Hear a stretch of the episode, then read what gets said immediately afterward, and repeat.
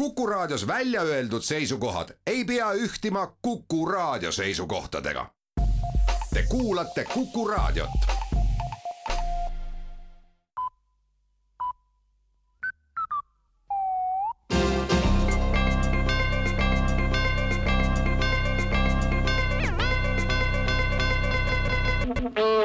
tere kuulama uudiseid stuudios Rohke Debelak. Euroopa Keskpank on taas tõstnud intresse, mis teeb laenajatele raha taas senisest märkimisväärselt kallimaks. seetõttu on Eesti kommertspangad tulemas klientidele ühiselt vastu ja pakuvad alates uuest nädalast intressilaenu, mis tähendab, et laenu soovijad saavad pangalt laenata ainult intressi, mitte lisaks veel ka laenu põhiosa laenusumma ja intressid üheskoos on liiga koormav, ainult intresside jaoks peaks inimestel ikkagi raha olema, märgivad pangad ja veel rahast. valitsus tegi erakondade rahastamise järelevalve komisjoni töökorralduse asjus ettepanekuid. senise komisjoni asemel loob iga erakond ise oma erakonna rahastamise järelevalve komisjoni, mis hakkab kontrollima oma erakonna rahastamist. praegu ei tea erakonnajuhid sageli, kes on erakonda rahastanud ja kuidas seda on tehtud, vahel ei ole võimalik leida erakonnast kedagi, kes midagi oleks teadnud, vahel ei tea isegi annetaja, et ta on annetanud ja seega on eraldi iga erakonna rahastamise järelevalve komisjoni idee teretulnud, lisatakse eelnõu seletuskirjas.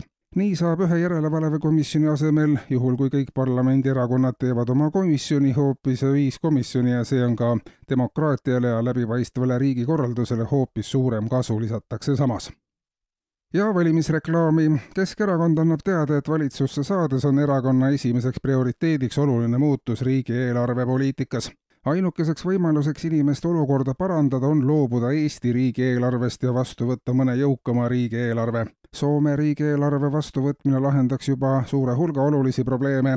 Rootsi riigieelarve vastuvõtmine kannaks veelgi suuremaid võimalusi ning kui Keskerakonna poolt juhitud valitsusel õnnestub vastu võtta Saksamaa riigieelarve, siis hakkaks esmakordselt ka juba raha natukene üle jääma praktika näitab, et Eesti riigieelarve on liiga väike ja sellega ei saa midagi mõistlikku korda saata, sellele vaatamata on aastakümneid kõik valitsused seni ainult Eesti eelarve juurde jäänud ja sellest kivinenud käitumismustrist tulebki suurem osa probleemidest, teatab erakond ja välismaalt. Prantsusmaa president Emmanuel Macron ja Saksa liidu kantsler Olaf Scholz andsid eilsel pressikonverentsil muuhulgas ka vastuseid küsimustele, miks nad soovivad nii sageli ja nii pikalt vestelda Vene Föderatsiooni presidendi Vladimir Putiniga Emmanuel Macroni sõnul on pikkade telefonivestluste peamine mõte selles, et sel ajal, kui käib telefonikõne, ei saa Putin anda ühtegi käsku ega sellega ka Ukrainale lisakannatusi põhjustada. praegu on tehtud pisut enam kui sada tundi kõnesid, kuid alates homsest vestlevad Putiniga kordamööda Itaalia, Saksamaa ja Prantsusmaa presidendid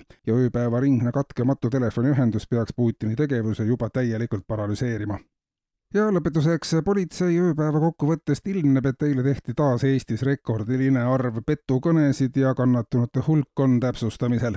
eristus peamiselt kolm petukõne liiki, kolmkümmend kaks protsenti oli petukõnesid, kus helistaja väitis, et peab jääma täna kauemaks tööle, aga sellest küll mitte midagi ei ole, sest ma armastan ainult sind järgmise suurema grupi petukõnedest moodustasid kõned, kus helistaja väitis, et ta maksab järgmiseks esmaspäevaks kindlasti ära. kuulsite uudiseid